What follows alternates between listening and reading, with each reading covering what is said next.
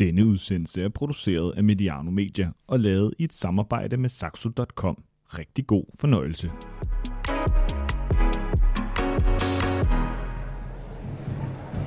Og vi ser North Carolina kommer godt ud af startboksen herover til venstre. Det ser rigtig fint ud rundt i svinget og bliver efterfulgt af lysmesteren og Disco Gently With Me. Den kommer nu lidt højere op i traver. Vi er stadigvæk meget glade med. Der er stadigvæk 100, 1723 meter til målstregen. Og så kommer vi til at se, hvordan det går med North Carolina, når den kommer herop på lang tid. Og kan det eventuelt lade sig gøre, at den kommer direkte ind over den stiplede linje. Hvem er det, som kommer først? Det er helt fantastisk, men det er det North Carolina, som kommer ind over førstepladsen. Efterfulgt af lysmesteren og Holly Gold Knightley og Please Be Gentle With Me. Og dem, som altså har spillet på North Carolina, kommer først. Mine damer og herrer, klokken er 15 10 sekunder over 15, og det er sidst på dagen i bogmessen. Og jeg synes simpelthen, at I alle sammen skal rejse jer op nu og snore tre gange rundt om jer selv og trække vejret meget dybt. Må jeg se jer rejse jer op? Snore rundt om jer selv. Tag en dyb indånding. Og lad os se, om vi kan få en lille smule blodsukker øh, ud i blodbanerne i de yderste kapillærer. Værsgo til Thomas Ladegaard, mine damer. Sådan. Adrian Lloyd Hughes, mine damer og her. Det var præcis som de havde aftalt det inden vi kom foran. Velkommen til en øh, særlig liveoptagelse af podcasten Andre Sider. Jeg er rigtig glad for, at du fik gang i publikum her, fordi normalt, når vi optager, så øh, er det jo næsten i stillhed. Så vi vil meget gerne høre jer i, i løbet af podcasten her. Vi er en podcast, der er blevet til i et samarbejde med Mediano og Saxo. Og øh, nu skal vi øh, gøre noget, som vi normalt ikke plejer, nemlig at øh, tale med en forfatter live her. Og den forfatter, det er, ja, du har allerede øh, introduceret dig selv, Adrian Lloyd Hughes. Velkommen til. Ja, tak skal du have. Øh, du har jo været meget efterspurgt her på Bogforum. Øh, og jeg ved, det er faktisk din debut. Ja, altså, ja. jeg er jo, fordi jeg har simpelthen gået, jeg har faktisk sovet med det her forfatterskilt hver nat, fordi jeg har aldrig kunnet gå med et forfatterskilt her på Bogforum før. Øh, så jeg har det på hele tiden, også når jeg besøger folk, som sådan set øh, kender mig og har spist middag hjemme. Jeg går stadigvæk og skubber det der op. Det er jo fordi, jeg lige er debuteret her for en tirsdag siden, tirsdag den 1. november, kom den her bog ud, som hedder Mors Regn, erindringer om familien Drejers magt og millioner. Øh, og det er altså nogle vil vide det, måske præsentere dem, Thomas. Ja, det må du gerne. Det må du gerne. Ja. Så nogen vil vide det, øh, udgav jeg en podcast sidste sommer, som hed Mors Afskedsfolk. Den lavede jeg for DR, og den skubbede jeg ud i verden, og vidste ikke, hvordan det ville gå med den. Og det viste sig, at den gik fantastisk godt. Der var rigtig mange, som hørte den. Den handlede om mig, og min mor, og min morfar, og det hæslige, hæslige, grimme afskedsbrev, som min mor skrev til mig, og især til mine tre ældre brødre, hvor hun svinede den til efter noder. Og så forsøgte jeg at finde ud af, hvordan kunne det være, at hun fik så forkvaklet forhold til sine øh, børn. Og øh, den øh, undersøgelse trak mig videre til hendes morfar. Man kan sige, at hele den historie udfolder jeg nu øh, for fulde blafrende gardiner, kan man kalde det. Altså hvis man synes, det var rart at være sammen med podcasten, så vil man synes, det er et sted mellem 5 og 6 gange så rart at være sammen med på. Det er egentlig sådan, det skal ses. Så, så øh, jeg gætter på, at de fleste her måske nok har hørt podcasten eller hørt om Altså, det kan vi jo undersøge, hvor mange her øh, har hørt podcasten Mor så hold op. Ja, okay, flot. Det var simpelthen jer, der fandt vej til den her link. Det er jeg meget glad for. Og så vil jeg sige til de cirka, så vidt jeg lige kunne overskue, cirka 16 til 18 procent, som ikke har hørt øh, mors afstedsbrev, Glæden er jordens gæst i dag for jer. Tænk i gang og have den til gode. Det må jo simpelthen være som at blive præsenteret for Puccini eller Wagner i en alder af 60 år. Altså, jeg, jeg misunder jer, at I ikke har hørt den endnu. Men så lad mig spørge, nu er der jo så en, en stor del af publikum, der kender og også har hørt din mors afskedsbrev, altså, og har hørt om din mor. Ja. Så vil jeg bare spørge, hvad vil hun sige til, at nu er Adrian, ja, mors dreng, debuteret som forfatter? Hvad vil sige til det? Ja, det er faktisk, det er vi jo ikke aftalt, men det er meget dejligt, at du det stiller det spørgsmål. Jeg er fuldstændig overbevist om, at min mor ville trække et langt østrogensk spor af jubelhormoner hen over gulvet, hvis hun vidste, at jeg stod her over for det her publikum i dag og fortalte den her historie. Hun ville snurre rundt om sig selv af lykke og, og altså snyse, nyse gennem næsen som en inkontinent hundevalg, vil jeg sige. Hun synes simpelthen, det at jeg står her er noget, der er det bedste, der er sket i hendes død? Øh, Adrian, normalt, når vi optager de her podcasts, så vil jeg jo gerne bede en forfatter om at læse op for Ja, bogen. ja. Men jeg vil også sige, normalt, så, så plejer det altid at være et sted sådan tidligt i bogen. Men i dag synes jeg, at nu vi er her, at vi skal gøre en udtalelse. Okay. Så jeg kan faktisk godt bede om at læse op næsten allerbagerst i bogen. Og det er øh, det her afsnit her, som er markeret. Så øh, ja, Min mors afskedsbrev viste sig at indeholde en gave, hun næppe havde forudset. Det gav mig en anledning til at tale langt dybere med mine brødre, end jeg nogensinde før har gjort, med undtagelse af film. Måske også dybere, end de selv har. Jeg synes, at jeg kender og forstår dem bedre nu, og jeg kan oven i købet lide dem. For mig betyder det alverden at kende min fortid, måske endda at forstå den, og i heldigste fald at lære af den. I det omfang hovedpersonerne i den her historie har truffet bevidste valg, kan jeg forsøge at træffe dem anderledes, helst bedre. Den barndom, der faldt fra hinanden for mig, da mine forældre blev skilt, var langt fra så fuldkommen, som de idylliske spaltfilmsbilleder forledte mig til at tro. De fleste hovedrolleindehaver på strimlerne har helt afvigende erindringer om, hvad de medvirkede i. Og efter Humpty Dumptys store fald forsøgte jeg, som alle kongens heste og riddere, at lappe ham sammen igen.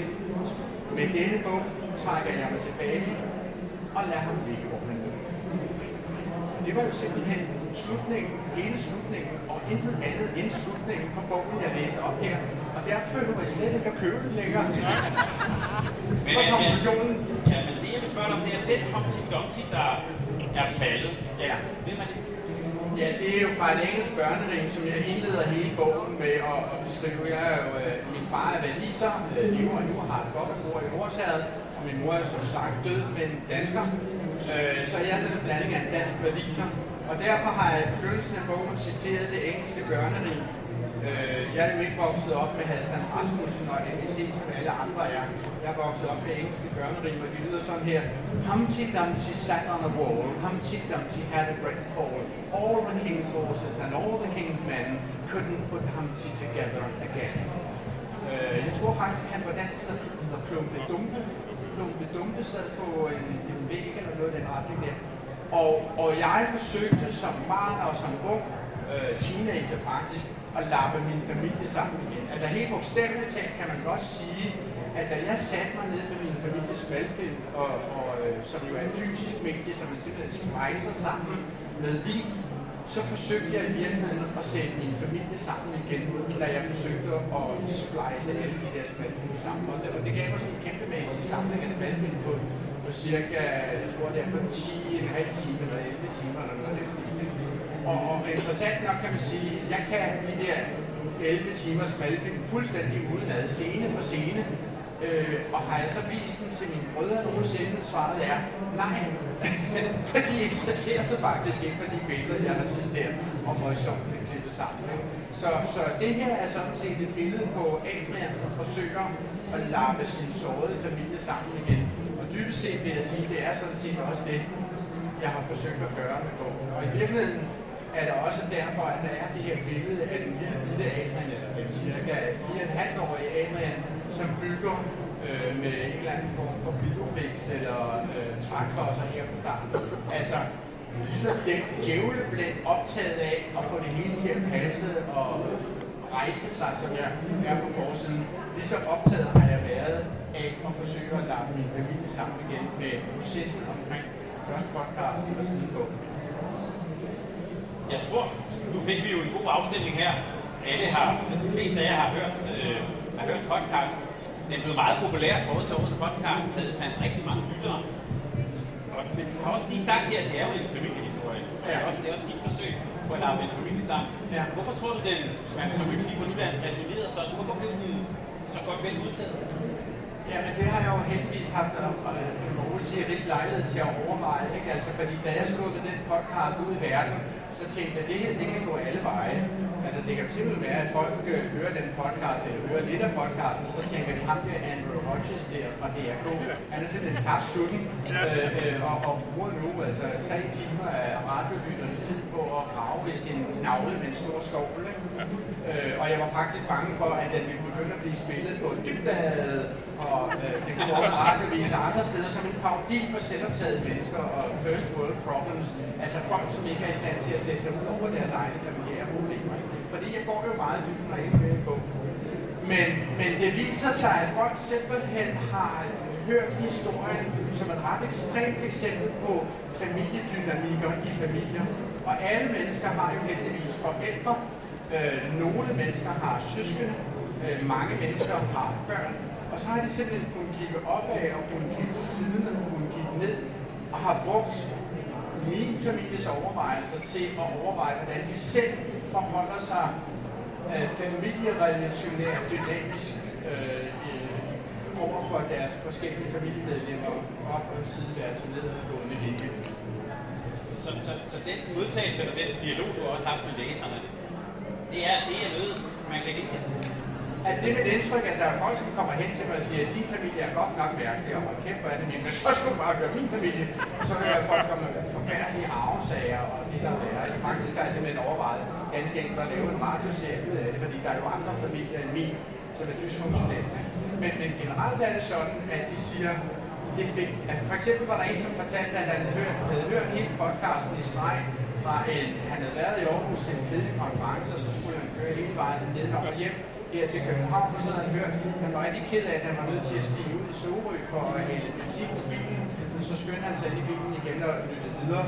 Og da han var færdig med at høre de tre timer der i streg, så gav han sine børn et kæmpemæssigt knus. Altså som simpelthen var så hårdt, at de ikke helt forstod, hvorfor de næsten, det næsten skulle gøre mod det. Men han følte bare, at det her var en historie, som fortalte ham, at vi alle sammen har et ansvar for, hvordan vi opfører os over for andre mennesker i vores verden. Uanset hvad vi kommer fra, hvilken baggrund vi har, hvilken enten biologisk øh, forældre eller, eller adoptivforældre, som min mor for eksempel har, så har vi uanset den baggrund et ansvar for at forsøge at finde en mådelig vej igennem tilværelsen og opføre os så ordentligt, som vi kan. Og det kæmper jeg, det tror jeg, altså det siger han, at det, det brugte han til at tænke over, og jeg ved med mig selv, at jeg også i grove træk kæmper med det dagligt. Jeg kan tænke mig at spørge lidt til, til hvad kan man sige, formen. Nu står vi her med en, jeg kan sige til jer, der ikke har læst bogen endnu, det kan I glæde jer til, lidt illustreret bog. Ja, meget øh, illustreret. Og, og det er det, man mangler, når man hører podcasten. Der sidder man jo og tænker, fotos og hvordan så ingen ja, præcis. og så videre. Øh, det får man så, øh, det kan man se her. Må jeg vise det? Ja, endelig. Altså, altså det sjove ved at udgive sådan en podcast, det, det er jo altså også, at det viser sig at udgive en podcast, som bliver downloadet 1,8 millioner gange, øh, og, og derfor er blevet lyttet af, altså samtlige seks afsnit er blevet lyttet af cirka et sted mellem 325 og 370.000 danskere, ikke, som har hørt samtlige seks afsnit. Det betyder også, at næsten alle, som har haft det mindste med min morfar, Torvald Drejer, eller en af hans tre husbrugere at gøre, de har henvendt sig til mig. De har simpelthen dukket op i min indbakke og fortalt, vidste du, at jeg var din morfars tandlæge? Og sådan, nej, nej, det var så om, det vidste jeg faktisk ikke. Øh, et virkelig et ekstremt eksempel på det er en, som har henvendt sig og sagt, jeg har faktisk gennem tre generationers dødslejer fået overdraget den oplysning, at det var din morfar, Torvald Dreyer, som var, wait for it, wait for it, den skyldige i dobbeltbordet på Peter Bangs vej. Og jeg tænkte sådan, okay, det er sådan et lidt ambitiøst lige, det tror jeg ikke lige, jeg går videre med. Ikke? Men for eksempel øh, kom jeg i kontakt med min mors fætters søn, altså det vi kan kalde min grandfætter, som jeg aldrig har været i kontakt med før. Og så siger han til mig, jeg har været igennem min fars øh, fotoalbums, og så tænker jeg bare, hende her, kvinden her, kunne man forestille sig, at det var Inge, altså hende, som jeg i, i podcasten kalder champagnepigen Inge, den kurtisane, som min morfar gifter sig med som sin anden hustru. Og jeg kigger på portrættet og siger, spiller paven pind, skider bjørne i skoven. Jeg kan forsikre dig for, at det der er Inge, for jeg kender jo den kjole fra en anden afbildning, jeg har fået fra et andet sted. Ikke? Og det vil sige, at jeg først efter podcasten kommer i kontakt med det her billede. Jeg kan lige så sige, hun ligner simpelthen ikke, jeg kan ikke se det fra det, hvor I sidder, men hun ligner simpelthen en, der kommer svansende direkte ud fra filmsættet fra Mødre på Cassiopeia, eller De Røde Heste, eller noget af den stil. Ikke? Hun ligner Bodil Kender, vil jeg sige. Og det er endnu mere interessant med sådan et billede som det her, det er jo ikke det eneste, jeg har fået på den konto, det er, at Inges egne børn har ikke haft adgang til det her billede. Fordi den næstfølgende hustru i den her forfærdelige øh, situation, spion, vi har der hustruer, hun tager jo simpelthen og rydder hele buden for alt, hvad der findes af spor af den foregående indehaver i embedet. Så Inges adoption, hun har to adoptivdøtre, de har ikke set det her billede. Og det var, jeg kunne således fortælle dem, nu har jeg billedet, og så kunne de se det, da jeg gav jeg gav dem det. Og min mor har jo heller ikke beholdt det her billede, hvilket så formentlig er, fordi min mor selv har ryddet hele vores fotoarkiv for spor af Inge, som hun jo havde af godt hjerte. Og på den måde er der faktisk en hel masse billeder i den her bog, som er nye for mig, og derfor selvfølgelig også nye for jer, og som er med til at fortælle historien. Men så kan man så omvendt sige, at der er i hvert fald en ting undervejs, som jeg savnede lidt. Ja. Og det var Gita Nørbys det. Ja, Øh, det er sandt. Altså, altså det her med, at det var Gita Nørby, der læste de vores brev om og sådan. Men har du hørt den som lydbog? Nej, nej, jeg har ikke. Men altså, for dem, som hører den som lydbog, og den er jo allerede ude nu, det er mig, som læser den op øh, på, øh, på, som lydbog. Og vi må jo simpelthen af rettighedsmæssige grunde ikke bruge Gita Nørby, men jeg kan forsikre, at jeg mordte mordte gerne vil have gjort det. Fordi Gita Nørbys bidrag til podcasten er jo helt sikkert et sted mellem 25 og 33 procent som øh, podcastens succes. Altså hendes arbejde på den podcast er fuldstændig uforlignelig, og faktisk vil jeg sige uvurderlig for mig. Jeg ved, hun har fået en krop her for det. Jeg tænkte undervejs, da jeg læste bogen her, så tænkte jeg på, hvem er egentlig hovedpersonen i bogen her? Ja, vil du give bud? Øh, ja, hvis det er interessant for dig, så vil jeg vil sige, at det er den person, der står ved siden af mig Ja, som er hovedpersonen. at man kan jo sige, i modsætning til Hanne Vibbehold, som jeg skal tale med lidt senere øh, over på en stor scene, Hanne Vibbehold har lige skrevet en fremragende bog, som hedder øh, Kriger uden maske, som er hendes roman om Sonja Ferdov Markuka. Og hun har en helt anden metode, end jeg har. Hanne Vibbehold har i fem år suget alt til sig om den periode, hun beskriver om, og derudover har, har hun haft adgang til en kæmpemæssig kælder, fyldt med breve fra øh, Sonja og Markuka, og altså gasregninger og alt muligt, men også hendes venners breve osv. På den baggrund har Sonja, undskyld, har han som digtet, hvad Sonja siger i den eller hendes situation, og hun har digtet, hvad, hvad Richard Mortensen eller Ejler Bille eller hvad de andre har sagt, da de kom ud af en dør eller snublede over et skridt i fortorvet hun har jo simpelthen konstrueret nogle scener. I den her bog er metoden den, at jeg med alt det, jeg har med min mors afskedsbrev, min mors erindringer og min mors fætters erindringer og alle mulige andre kilder, jeg har til rådighed, der undersøger jeg så dokumentarisk som muligt, hvad monstro passer her, og hvad passer ikke. Må jeg fortælle historien om min fars øh, erindring om Marker Meyer? Ja, ja. Ja. Altså, der, min, min, den, den morfar, som jeg lærer at kende, han er jo på det tidspunkt, hvor jeg kommer til verden, der er han gift med en dame, som hedder Margot. Hun hed Sats, før hun giftede sig med ham. Jeg har fundet det her udmærkede billede af hende. Hun var en meget kendt society-dame i sin samtid. Margaret Dreyer, ikke? Når, når folk gik forbi deres øh, villa på Fuglebakkevej, så sagde de, derinde bor Margot Dreyer. Som om, at altså, de havde, at det kunne have været Gita Nørby eller noget af den stil. Ikke? Tænk i gang, ikke? Øh, min far synes, at Bakker Dreyer var den jordens mest vulgære menneske. Og han sagde til mig, Adrian, øh, jeg har et minde om Margaret, som er så vulgært, at øh, jeg, jeg vil gerne fortælle dig det, men du kommer ikke til at høre det, så længe båndoptageren kører. Og jeg siger, kom nu far, prøv lige at høre. Altså, bliver mellem os og, og min lytterskare, ikke? Hvor galt kan det være, ikke? Og så siger han, jeg siger ikke et ord, fordi jeg vil simpelthen ikke have, at det her skal optræde i en eller anden såkaldt seriøs radioudsendelse. Og så var jeg simpelthen nødt til at tage båndoptageren, altså at tage batterierne ud og slukke for den, så han tydeligt kunne se, nu blev det ikke optaget. Ikke? Og så fortalte han mig følgende. Han kunne huske, at han og min mor Jette havde været hjemme hos Margot og Torvald øh, på et tidspunkt, hvor de var syge måske, eller et eller andet. I hvert fald lå de i sengen, i dobbeltsengen sammen. Og hvad, de, hvad Jette og Havle, min far, skulle tale med dem om, det kunne jeg ikke helt huske. Men de stod i hvert fald for fodenden af sengen og kiggede på Thor, som vi kalder ham, og Marker. Ikke? Og så havde Margaret på et tidspunkt lige skiftet balancen på sin side af sengen, hvor hun lige havde løftet dynen lidt op med sin ene, Øh, med sin ene ben, hvilket gjorde, at min far kunne kigge hende lige op i hendes, og så siger han så, ja, hvad hedder det på dansk? Og så er han ikke helt sikker på, at han kan ordet. Måske skal jeg heller ikke sige ordet her øh, i bogforum, men det er en betegnelse for den kvindelige kønsdel. I hvert fald den, som er længst nede øh, for, for neden. Ikke? Øh, altså fuldstændig vanvittigt. Det, det er simpelthen en klassisk Sharon Stone, som Marker har kørt på min far. Og min far synes, han ved ikke, om det her siger mere om ham, end det siger om Marker. Øh, han synes, det var grænseløst øh, vulgært. Og han kunne slet ikke forstå, at Margot kunne finde på at lægge an på sin svigersøn over, mens hendes svigerdatter stod lige ved siden af, og hendes egen mand ovenkøbet sad i sengen lige ved siden af. Okay, så læner jeg mig ind over min far, og så siger jeg, prøv lige at høre far, det der, det tror jeg simpelthen ikke på. Altså det der, det har alle spor af at være en drøm. Af mange grunde. For det første, du fortæller, du ved ikke, hvad du laver der i Thor og Markers soveværelse. Det er uklart, hvad dit ærne er. Allerede der begynder det at stikke lidt af, ikke? Men især vil jeg sige, jeg har jo talt med Thor og Markers stuepige, og jeg har talt med, med deres øh, yngste adoptivdatter Lotte, min stedmoster Lotte.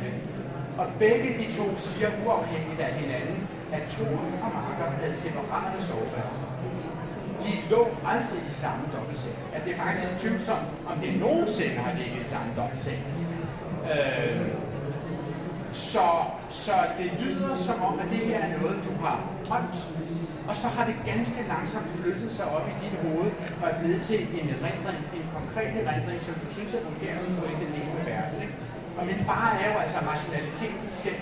Så siger han sådan, tror du det? Hmm hold op, siger han så, ikke, med sin engelske accent. Øh, og, og rationelt som han er, så går han et stykke med ind i den diskussion. Han siger, jamen, det kan, er du sikker på, at de havde separat soveværelse? Jeg kan sige, jeg har set grundplanen, jeg talte med alle, ja, de havde separat soveværelse. Og derudover kan man sige, mine forældre kom jo aldrig på så intim fod med to marker, at de overhovedet ville finde det relevant at tage imod mine forældre, hvis de havde ligget i en dobbeltseng sammen. Det er simpelthen ikke en måde, man er sammen. Og i hvert fald ikke i vores familie, kan man sige. Og det er et eksempel på, at øh, de ting, som jeg får at vide i den her proces, tager jeg hele tiden op og undersøger. Kan det nu passe? Det er måske de allermest ekstreme eksempler, kan vi sige. Ikke? Men, men på den måde vil jeg egentlig sige, at hele bogen er et studie i begrebet erindring. Altså, hvad, hvad, hvad er det egentlig, vi kan huske? Også mine egne erindringer. Jeg gengiver også nogle af mine erindringer, hvor jeg også lige lægger dem op på obduktionsbordet og tager skal, skalpellen frem og siger, noget af det her lyder meget urealistisk. Ikke? Og så er der noget andet, som alligevel peger på, at det godt kan have fundet sted. Så på den måde kan man sige, at min undersøgelse af det gør mig til en slags hovedperson i, i fortællingen. Så på den måde har du ret i det, kan man sige. Og det er jo interessant, fordi det er en familiehistorie. Alle familier har historier. Ja. Men jeg tror også, at alle familier, det vi nok kunne genkende, har også historier, som de fortæller igen og igen. Også selvom de faktisk ikke er sande. Ja, fuldstændig rigtigt. Øh, øh, så, men du er jo faktisk så uelskværdig undervejs, at du lidt demaskerer din mors historie om en Ian Oliphants død i golf. Ian Oliphant, ja. Ja, altså bare, bare navnet, bare navnet er jo Ja, Ian. Oliphant, det lyder det sådan Det kan vi fortælle. Jumbo-bog, ikke? Ja. Skal jeg jo fortælle den historie? Ja. Jamen altså, det er en af min mors mange meget farverige og vidunderlige øh, fortællinger, som sådan set burde være en særskilt roman, kan man sige. Det kan være, at det bliver den næste. Øh, min mor fik på et tidspunkt en kæreste, øh, som var kaptajn på de syv have og sejlede på en olieproduktet carrier øh, mange steder i verden. Og når han kom til København til prøvestenen, så ringede han i forvejen til hende, eller sendte en fax, eller hvad det var, og så kunne de så tilbringe en erotisk vidunderlig hyrdetime på hans øh, product carrier i, på prøvestenen, og samtidig også Kalundborg-raffinaderiet, og nogle gange så ringede han til hende og spurgte, om ikke hun ville med på en dejlig kro, og så havde de øh, en romantisk weekend der og så videre. Og på et tidspunkt, fortæller hun, så friede han til hende. Det var jo dejligt, min mor havde været sådan single alt for længe, og nu havde han frihed til at så skulle de giftes. Så får hun så lige pludselig at vide fra sin revisor, ved du hvad, Jette, det her det går slet ikke.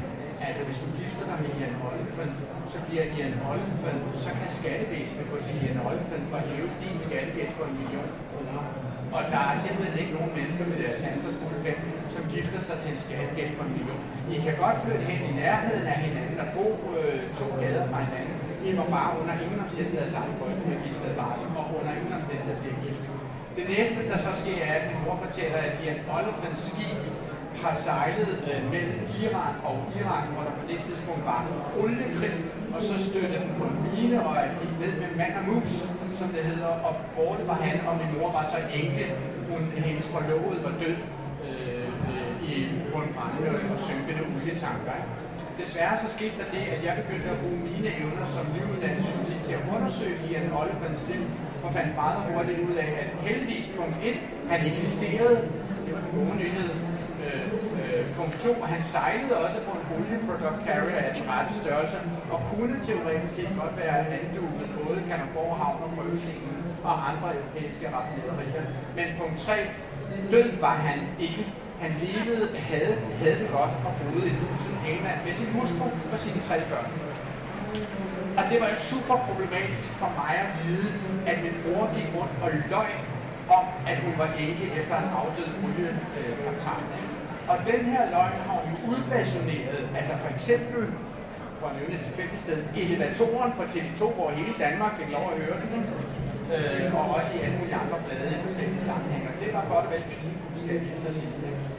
Og, og det var sådan, det er en af de der løgne, som jeg grebet min mor i, og der er jo altså 6, 8, 18 andre af slagsene, hvor jeg sådan hele tiden er nødt til at kigge på, min, hvad min mor siger, og, og sætte det op imod alle de andre kilder, jeg kan finde i den samme historie.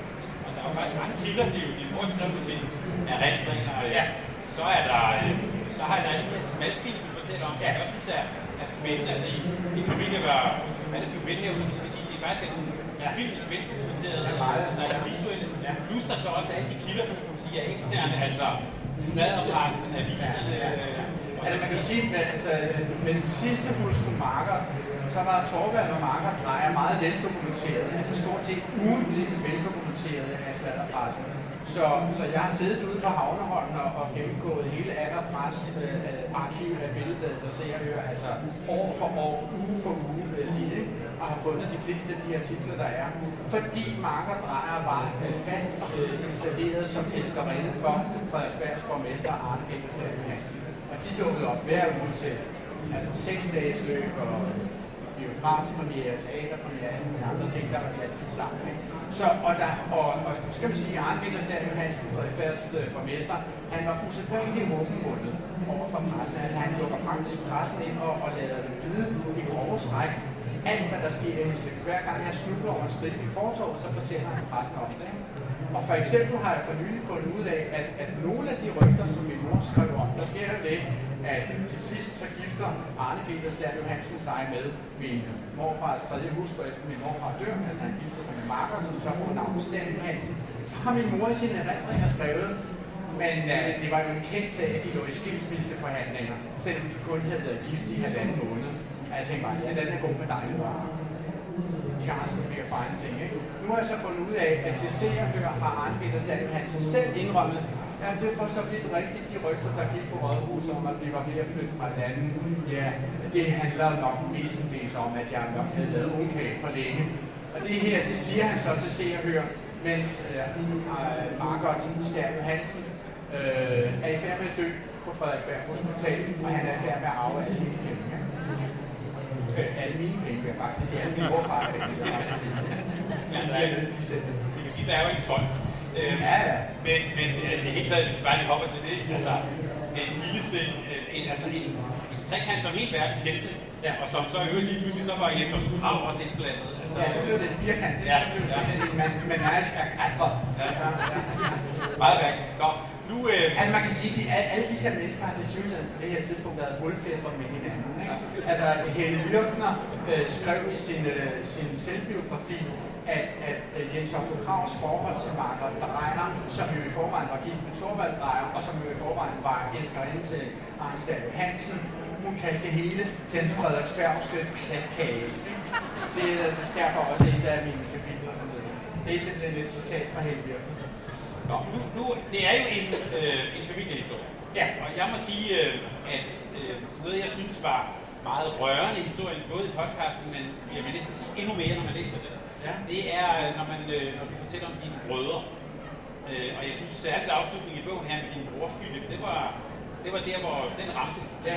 Ja. Øh, han taler faktisk om at vokse op med et hul i hjertet. Ja. Ord, han bruger. Og det er det ord, han bruger om vores mor. Ja. Ja. Altså, jeg, jeg, jeg, jeg tror simpelthen, at min lillebror er den, som har forstået bedst, hvad det var, der var galt med min mor. Øh, bedre end jeg. And that saying something, ikke? Øh, han har simpelthen lavet en meget hurtig øh, konklusion. Han har også gået til psykolog, min lillebror Philip. Øh, så han har måske bedre forudsætninger for at forstå hele det her. Men han siger om min mor, at han sådan grundlæggende så tror, at, at hun har haft så forkvaklet forhold til sin adoptivfar Torvald og sin første mor Johanne, at, at hun simpelthen har haft et kærlighedsunderskud. Øh, og det kalder han så et hul i hjertet. Og det hul hjerte, det kunne ingen fylde. Altså han mener, at min mor desperat gennem sit liv forsøgte at fylde det med øh, elskere, mænd, øh, børn. Hun fik jo fem øh, hunde, øh, venner, øh, kursister, turister, øh, alle de mennesker, som hun har optrådt for og forsøgt at trække ind i sit liv. Og så snart hun mærkede, at der var den mindste smule afstand, eller så snart tråden mellem dem og, og hende blev en lille smule spag eller spinkel, så klippede hun den selv. Fordi hun var bange for at blive afvist på den måde, som hun dybest set er blevet afvist af sin far. Og det er sådan set i grove træk til et journalistisk referat, det min lille siger. Og øh, jeg synes, han nailer den. Altså, det, jeg er meget imponeret af ham. Det er jo sådan med små brødre, at de per definition der går igennem tilværelsen med blæ på, altså i deres ældre brødres øh, blæ. Ikke? Øh, jeg undrer mig hver gang, jeg ser min lillebror, så undrer jeg mig over, hvor, hvor voksen han ser ud. Ikke? Fordi jeg synes stadigvæk, at min lillebror er ham, vi sendte afsted til at Tom som 11 år. Ikke? Øh, øh, men han er jo simpelthen klogere end mig nu. Men I er jo faktisk øh, hele fem brødre. Ja, det er det. Øh, som man kan godt sige, øh, det fortæller afskedsbrevet, vi skal også lidt om, som jo har reageret på meget, meget forskellige måder. Ja, det må man sige. Øh, hvilke reaktioner har du ellers fået fra dem med det her, det her projekt? Altså, Jamen, det er jo meget sjovt med for eksempel øh, min, min ældste storebror, Jajan, som er født i 1956, altså hvad bliver så 6 år, 5,5 år før mig. Ikke? Øh, han fortæller både i podcasten og i filmen her, at, at, øh, at han simpelthen ikke har noget forhold til vores mor. Og, og at, at vores mor i grove træk lige så godt kunne være øh, altså en tilfældig trafikant, ikke? øh, og at hun har givet ham fingeren i trafikken. Og, og øh, det bliver sagt i podcasten, det bliver også sagt i bogen her. Og så sker der jo det i podcasten, at jeg siger til min storebror Jajan, det tror jeg er løgn. Du lyver for dig selv, selvfølgelig har du et forhold til din mor. Og min lillebror siger også, det er løgn, Jajan, selvfølgelig har du et forhold til din mor. Øh, og meget værre for dig er det jo, at alle dem, som efterfølgende har øh, hørt podcasten, og her er der et billede af min, min storebror det ved hans konfirmation, da han er 14 år gammel, meget dejligt billede fra 1970 Altså alle dem, som har hørt podcasten, har sagt til jer, en fed øh, podcast, din lillebror Andrew der har lavet. Øh, lidt ærgerligt, at du bruger podcasten til at lyve for dig selv om, at du ikke har noget forhold til din mor, fordi selvfølgelig har du det. Ikke? Nu er jeg simpelthen lidt træt af at høre på det. kan jeg så sige. Efter 325.000 mennesker har sagt det til ham. Ikke? Og så har han sådan indkaldt os til et familieråd, hvor han bor i Kalundborg, og så har han sagt, undskyld, må det være mig tilladt at definere min egen virksomhed. Må jeg have lov til det? Øh, hvor jeg forklarer jer, at det der med at have et forhold til et andet menneske, det indebærer, at man hvad, har kærlighed til vedkommende, har respekt for vedkommende, accepterer vedkommende, savner vedkommende, når vedkommende er væk, lytter til vedkommende, og så havde han seks andre ord på, på den liste. Ikke? Og så sagde han, ingen af disse ting gør sig gældende i mit forhold til vores mor. Hun var luft for mig fra mit fyldte tredje eller femte år. Ikke? Øh, og det har de i hvert fald fået gjort os meget tydeligt opmærksom på, så nu er vi ikke længere i tvivl om det. Men altså, fair nok. Man skal jo have lov til at definere sin egen virkelighed. nu er vi jo et sted på Bogforum, hvor der bliver talt om bøger. Øh, forfatteren Per Højholdt. Ja. Jeg tror faktisk, det var, hvis det ikke ham, han bliver tit krediteret for det. Jeg tror, det rigtige historie er, at det var hans svigermor, der havde det her øh, øh, udtryk om at tage hovedstol. Altså, at man ikke skal tage hovedstol, man skal skrive på renterne. Men altså, det her, det er vel øh, hovedstolen, du lægger frem. Det, det er, altså, jeg skriver på hovedstolen, og hovedstolen er intet andet end hovedstolen. Ja. Ja, altså det hele er lagt frem der. Jeg kommer ikke til at skrive om den familie igen.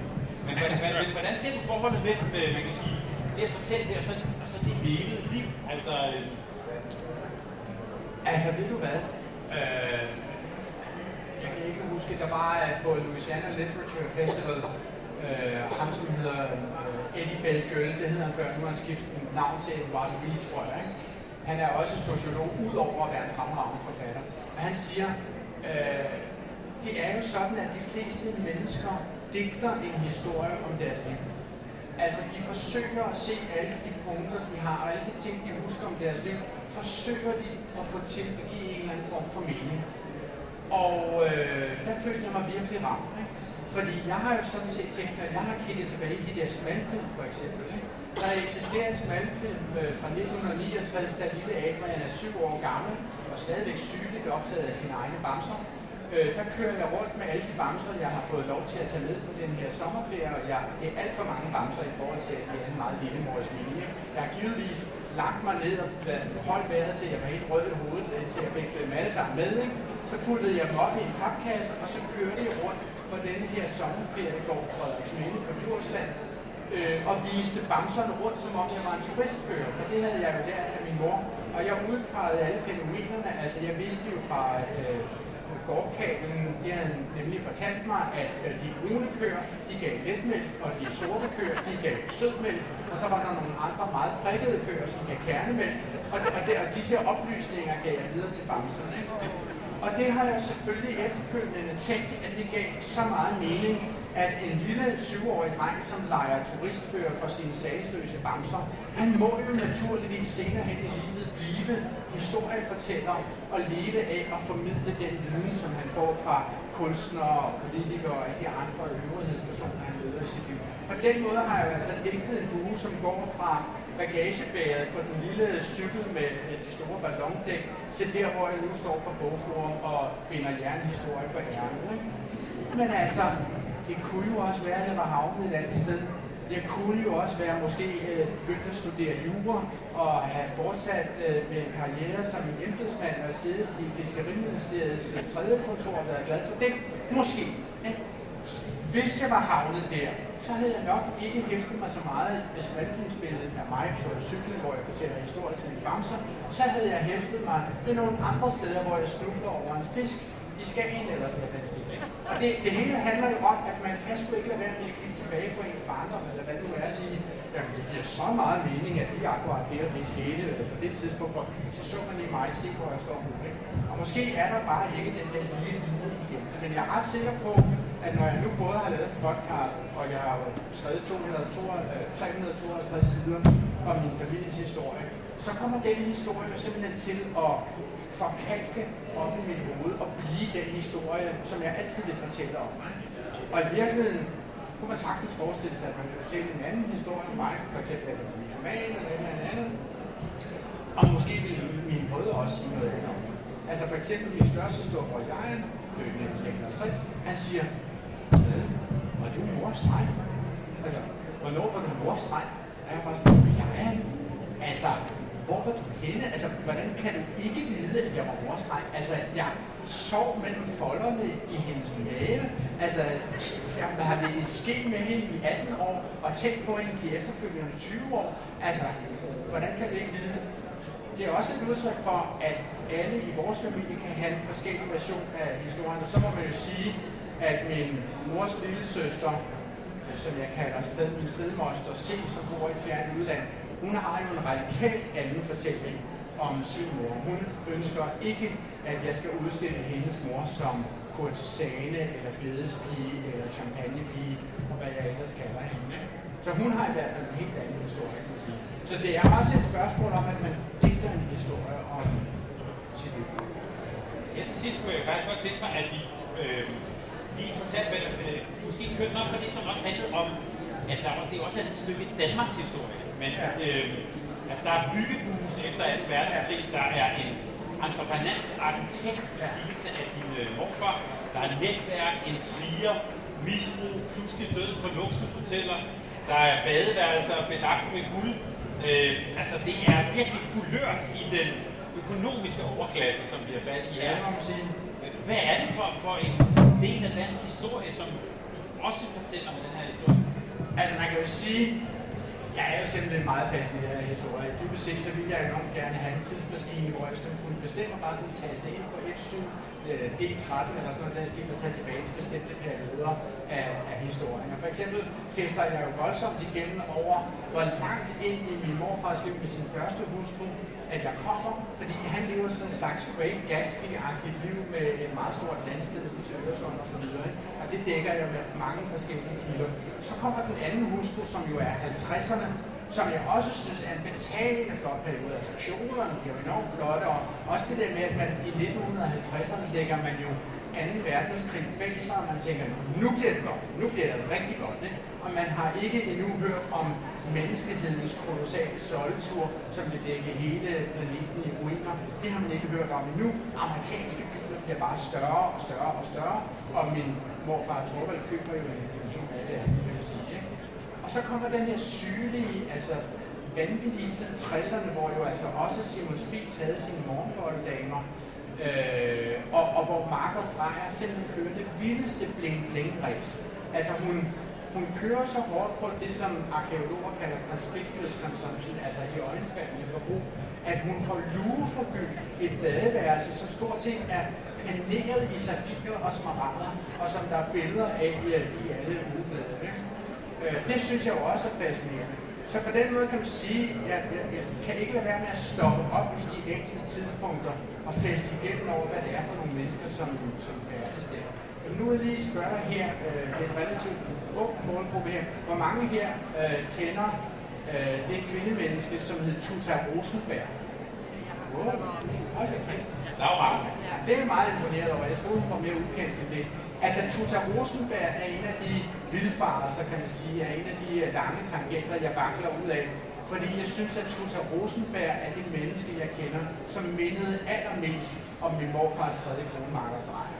Og derfor fortæller jeg altså historien om Tuta Rosenberg, som jeg synes er en selvstændig, fantastisk historie.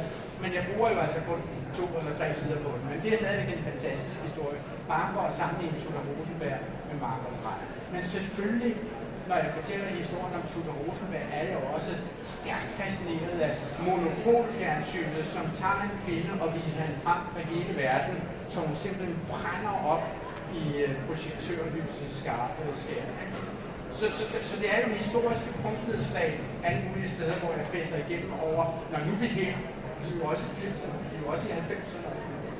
Du har faktisk også, Det er jo et helt århundredes historie, kan man sige. ja, du har jo faktisk også bare lige for at tale om Rosenberg, prøver på en måde også lige til Nørgaard på samme måde til at fortælle om øh, ja, matadorspejlet, kan man næsten Ja, altså Lise Nørgaard. Ja, Lise Nørgaard, ja, ja. ja, Ja. Jamen, det er rigtigt. Ja, men, jamen, altså, men, men, men, men Lise Nørgaard har jo øh, både til mig og alle andre fortalt, at, at Mads Andersen Skjern er født i år 1900. Øh, og min morfar, øh, Torvald Drejer, er født i 1895. Så man kan hele tiden sige, at, at min morfar, Torvald Drejer, er grundlæggende set Mads Andersen Skjerns onde storebror. Født fem år senere. Og, og vi følger jo Mads Andersen Skjern i Matador. Han skifter navn til Skjern frem til, jeg tror, sidste år i Matador, så det jeg husker, 47 kan være, det der, det slutter, lige efter krigen. Og min morfars liv er nogenlunde som lige så regelret som Mads Andersen Skjerns liv frem til hans første hustru død i 1949. Det er efter 49, at det stikker af og bliver fuldstændig Citizen Kane og Dallas og Dallas og Dynasty og Succession faktisk, for at tage øh, den seneste. Det er en fun fact, hvis vi nærmer os afslutningen. Det, Jeg har lige i dag i min morgenavis fundet ud af, at den tv, som hedder, den tv-serie, som hedder uh, The White Lion, Øh, den havde jo en fantastisk første sæson, som foregik i Hawaii. Men nu har de så lavet en anden sæson af White Lion, øh, som foregår i Europa, på et hotel i Europa. Og lige vidste jeg, at den foregår faktisk på det hotel i Europa, hvor min morfars anden hustru, champagnepigen Inge, kommer voldeligt af dage, nemlig Palazzo San Domenico i Taormina på Sicilien. Og det er kun Siciliens, muligvis Italiens, muligvis Sydeuropas allermest fashionable hotel. Altså det er der Richard Gere og, og altså Gina Lollobrigida og samtlige kongelige og alle mulige andre har boet gennem tiderne. Greta Garbo, og jeg skal komme efter dig. Italiens mest fashionable hotel. Hvis I vil vide, hvor Inge kom af dage, så skal I åbenbart se den anden sæson af tv-serien White Lion, som man har på HBO Max. Hvilket så betyder, at vi skal beholde vores abonnement på HBO Max et stykke tid nu. Der var en, en, god ting, der lige sagde, White Lotus. Hvad sagde jeg? White Lion? White Lotus. Den hedder White Lotus. Før du går. White Lotus. Den Lotus, den leger. Det er nemlig rigtig White Lotus. Tak for det. Men det, vi kan lige nå, jeg synes faktisk lige, at det er nu til dem, der ikke har, har læst bogen, Ja. øh, har hørt podcasten.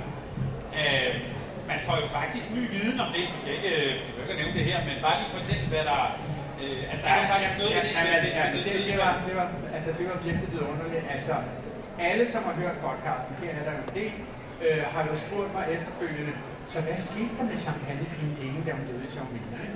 For der har vi jo gennem 60 år, det var den 1. oktober 1962, og samme år jeg blev født, har vi jo fået at vide, at hun faldt på stranden, fik gipskorset på, så åbnede hun vinduet, fordi hendes gipskorset var så tungt, så faldt hun ud vinduet. ikke? Den historie har vi fået at vide 60 år, og den er jo vanvittig utroværdig. Sindssygt utroværdig, og man kan slet ikke forstå, at folk har gået og sagt den, fordi der er jo, man kan simpelthen ikke tro på det. Øh, og jeg har så forsøgt at finde ud af, hvad skete der så egentlig med hende. Og her i januar i år, altså efter podcasten, men med i bogen, ringer min italienske veninde Rie til mig, min danske barndomsveninde, som har boet i Italien i øh, 40 år. Så siger hun til mig, Adrian, øh, jeg ved ikke, om du sover eller hvad du gør, men jeg tror gerne, du vil vide, hvad jeg ved nu. Og jeg siger, hvad, hvad, hvad? Jo, siger hun så. Jeg har nemlig fundet en artikel fra øh, den italienske, eller rettere sicilianske avis, Il Giornale di Sicilia, som minut for minut, time for time beskriver den danske arkitektfru Inge Breyer født Nielsens liv de sidste 48 timer øh, i Taormina. Og den påstår, at der var to øjenvidner til stede, da den ulykke indtraf, som var det, der førte til Inges død. Og da hun havde fortalt mig det, hvad der stod i artiklen, så tænkte jeg, nu hænger det hele sammen. Så kan jeg meget bedre forstå, hvad der skete mellem Arne Peter Stabel Hansen og Torvald Drejer, da Torvald Drejer besluttede sig for at gifte sig med Arne Peter Stabel Hansens elskerinde. Og så kan jeg meget bedre forstå, hvad der skete med Torvald Drejer de sidste 18 år af hans liv, og dermed også de første 18 år af mit liv. Og hvis I vil vide, hvad der skete i Taormina, så må I købe bogen.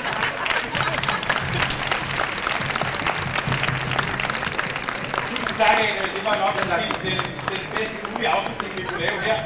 Mors dreng kan naturligvis købes på sagte.com, og hvis I vil lytte til den her samtale, eller til andre samtaler om litteratur, så øh, er podcasten, altså andre sider, den kan I finde der, hvor I i øvrigt hæver podcast. Der kan I også finde samtaler med øh, Kasper Kolding, Peter Vighusen, Svend Brinkmann og mange flere. Og jeg er nødt til at sige, at den er selvfølgelig også til salg til særlig bogforpris for kroner 240 over i Gyldendals uh, Tranescene.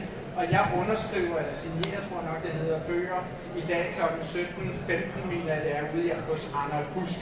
Så det vil være dejligt at se jer alle sammen. Tak fordi I lyttede med.